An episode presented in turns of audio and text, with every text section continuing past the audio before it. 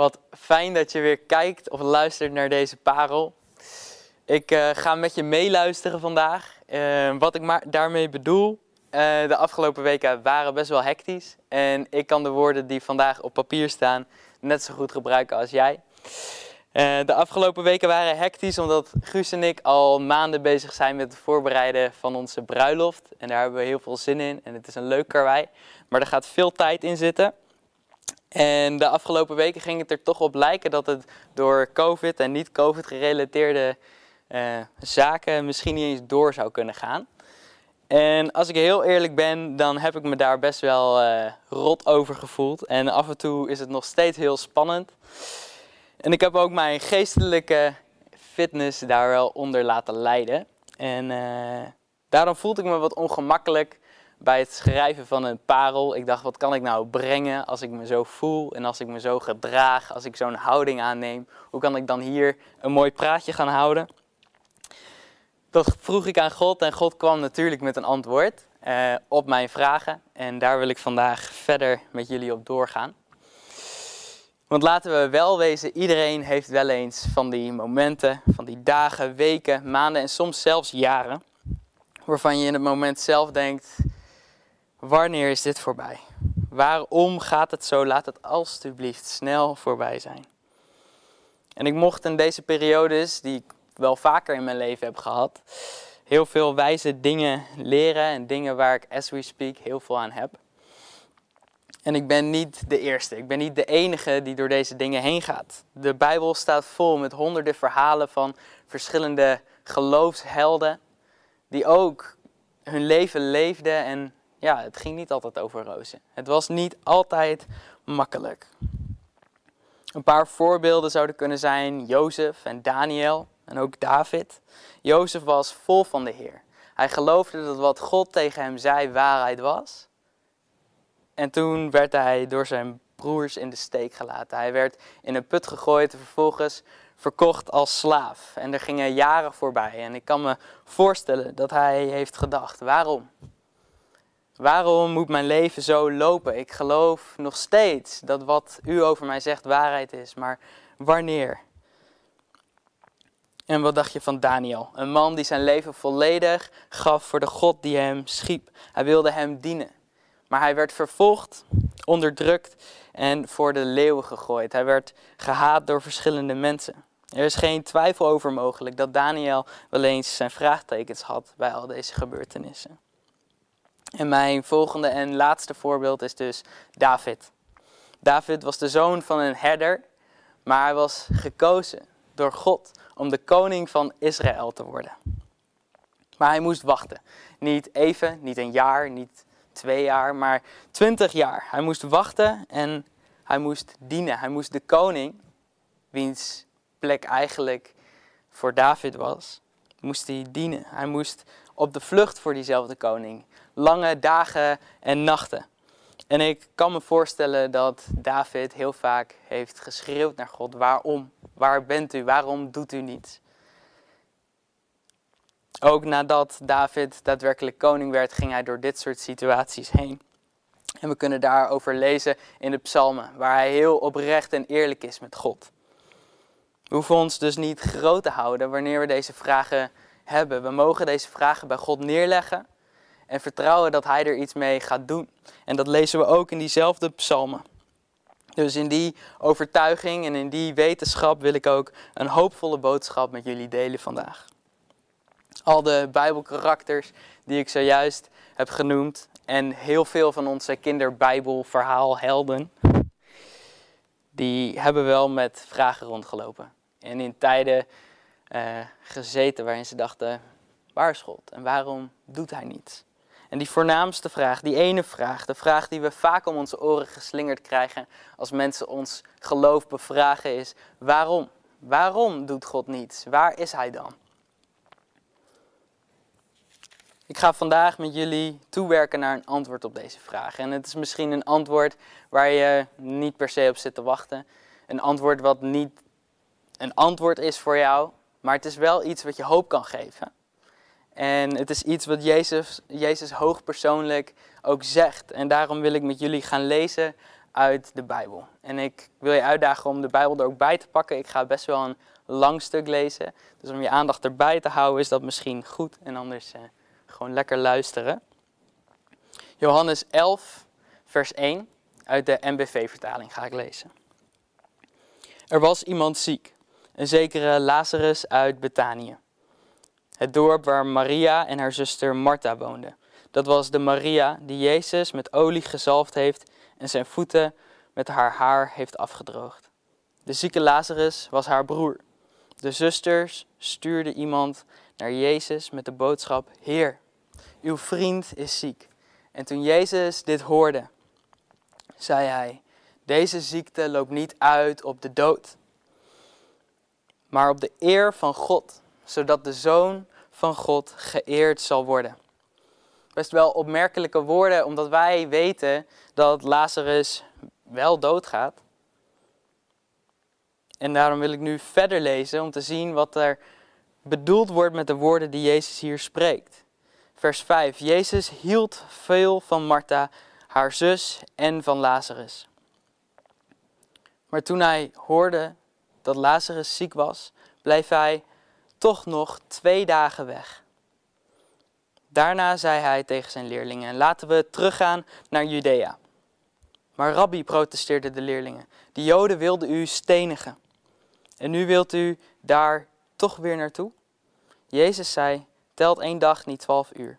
Wie overdag loopt, struikelt niet, want hij ziet het licht van de wereld. Maar wie s'nachts loopt, struikelt, omdat hij geen licht heeft. Nadat hij dat gezegd had, zei hij: Onze vriend Lazarus is ingeslapen en ik ga hem wakker maken. De leerlingen zeiden: Als hij slaapt, dan zal hij wel beter worden, Heer. Ze dachten dat hij het had over slapen, terwijl Jezus bedoelde dat hij gestorven was. En toen zei Jezus ronduit: Lazarus is gestorven en om jullie ben ik blij dat ik daar niet bij was. Nu kunnen jullie tot geloof komen. Laten we dan nu naar hem toe gaan. En toen Jezus daar aankwam, hoorde hij dat Lazarus al vier dagen in het graf lag. Betanië lag dichtbij Jeruzalem op een afstand van ongeveer 15 stadie, dat is zo'n drie kilometer. En er waren dan ook veel Joden naar Martha en Maria toegekomen om hen te troosten nu hun broer was gestorven. Toen Martha hoorde dat Jezus onderweg was, ging ze hem tegemoet, terwijl Maria thuis bleef. Martha zei tegen Jezus: Als u hier was geweest, Heer, zou mijn broer niet gestorven zijn. Maar zelfs nu weet ik dat God u alles zal geven wat u vraagt. En Jezus zei: Je broer zal uit de dood opstaan. Ja, zei Martha, ik weet dat hij bij de opstanding op de laatste dag zal opstaan. Maar Jezus zei: Ik ben de opstanding en het leven. Wie in mij gelooft zal leven, ook wanneer hij sterft. En in ieder die leeft en in mij gelooft zal nooit sterven. Geloof je dat? Ja, Heer, zei ze. Ik geloof dat u de Messias bent, de Zoon van God, die naar de wereld zou komen. Na deze woorden ging ze terug en ze nam haar zuster Maria apart en zei: De meester is er en hij vraagt naar je. En zodra Maria dit hoorde, ging ze hem tegemoet. Toen de Joden die bij haar in huis waren om haar te troosten Maria zo haastig zagen weggaan, liepen ze haar achteraan, want ze dachten dat ze het graf, naar het graf ging om daar te weeklagen. Zodra Maria op de plek kwam waar Jezus was en hem zag, viel ze bij zijn voeten neer en zei: Als u hier was geweest, Heer, dan zou mijn broer niet gestorven zijn. Jezus zag hoe zij en de Joden die bij haar waren weeklaagden en dat ergerde hem. Diep bewogen vroeg hij, waar hebben jullie hem neergelegd? Ze zeiden, kom maar kijken, Heer. Jezus begon ook te huilen en de Joden zeiden, wat heeft hij veel van hem gehouden? Maar er werd ook gezet, hij heeft toch de ogen van een blinde geopend. Dan had hij toch ook de dood van Lazarus kunnen voorkomen. Ook dit ergerde Jezus. Hij liep naar het graf, een spelonk met een steen ervoor, en zij haal de steen weg. En Martha zei, de, de zus van de dode Lazarus, Heer, de stank, hij ligt daar al vier dagen. En Jezus zei tegen haar, ik heb je toch gezegd dat je Gods grootheid zult zien als je gelooft. Toen haalden ze de steen weg waarop hij omhoog keek en zei: Vader, ik dank u dat u mij hebt verhoord. U verhoort mij altijd. Dat weet ik. Maar ik zeg dit ter wille van al die mensen die hier zijn, opdat ze zullen geloven dat u mij gezonden hebt. En daarna riep hij: Lazarus, kom naar buiten. De dode Lazarus kwam tevoorschijn, zijn handen en voeten in linnen gewikkeld en zijn gezicht bedekt door een doek. En Jezus zei tegen de omstanders: Maak de doeken los en laat hem gaan. Veel Joden die naar Maria waren toegekomen en gezien hadden wat Jezus deed, kwamen tot geloof in hem. Ik stel me zo voor dat Lazarus ziek wordt en Maria, Martha en alle vrienden en familie bij elkaar komen. En op zoek gaan naar de hoop, de hoop in Jezus. Ze halen de verhalen op van die Jezus die blinden geneest en lammen doet lopen en al die wonderen en tekenen doet. Ze vinden de hoop en ze verwachten het van Jezus. En in die hoop sturen ze ook mensen op pad om op Jezus te gaan zoeken en hem erbij te halen zodat hij zijn wonder kan doen. Maar dan blijft Jezus weg. En ik heb mij in zo'n situatie bevonden. Ik ken deze situatie waarop het leek dat Jezus even weg was, even niet keek. Ik kan me zo goed voorstellen hoe deze twee zussen zich hebben gevoeld. Waarom, Heer, waarom laat u niet zien dat u de baas bent? Waarom laat u niet zien wat u kan? Dit is uw moment. U kan nu zoveel bereiken door te doen wat wij van u verlangen. Maar Jezus blijft weg. De zusjes van Lazarus blijven zonder broertje achter. Wat opmerkelijk is, is dat het geloof van deze twee zussen niet geschaad is. Ze zeggen namelijk allebei: Heer, als u hier was geweest, dan was mijn broer niet gestorven. Er klinkt teleurstelling in deze zin, maar tegelijkertijd spreekt ook geloof. Ze geloven nog steeds dat Jezus de macht heeft tussen, het uh, tussen leven en doodgaan. Wat ze zich nog niet beseffen is dat Jezus ook het verschil is tussen leven en dood zijn. De omstanders die snappen er ook niks van. Hij had het binnen een uur kunnen redden, drie kilometer, en dan was hij misschien nog wel op tijd geweest. Waarom kwam Jezus niet? Als hij zoveel van deze vriend hield, dat hij zelfs tranen liet stromen, waarom kwam hij dan niet? Jezus gaf hier al antwoord op in de eerste vier versen van dit verhaal. Deze ziekte loopt niet uit op de dood, maar op de eer van God, zodat de Zoon van God geëerd zal worden. Hij wilde deze mensen de eeuwigheid laten zien. Hij wilde ze een zetje geven om tot geloof te komen en hun geloof te vergroten in de Zoon van God, Jezus zelf. En dat lukt hem. Hij doet precies wat hij kan doen. Hij geeft deze mensen precies datgene wat ze wel nog kunnen dragen om hun geloof te behouden. En hij doet hun geloof groeien. Ik citeer die laatste zin. Veel Joden die naar Maria toegekomen waren en gezien hadden wat Jezus deed, kwamen tot geloof in hem. Jezus bereikt zijn doel door dit verhaal heen. En jij begeeft je misschien ook wel op zo'n plek of heb je in het verleden op zo'n plek uh, bevonden en hebt nog geen, geen antwoord op jouw vragen. Jouw waarom vragen, jouw kritische vragen naar God en misschien durf je ze wel niet te stellen. Dan wil ik nog afsluiten met twee punten die kort samenvatten waar we vandaag naar hebben geluisterd. De eerste, het eerste punt is waarom vragen en kritische vragen die mogen gesteld worden. Het kan geen kwaad om af en toe je frustratie en je twijfels bij God neer te leggen. Hij ontvangt het met open armen. Kijk maar naar David. Zoals ik al zei, hij had een intieme relatie met God omdat hij oprecht was. Omdat hij eerlijk was met God en zijn frustraties en twijfels en vragen en angsten en verdriet en al die dingen waar wij mee rond kunnen lopen, bij de Vader neer durfde te leggen.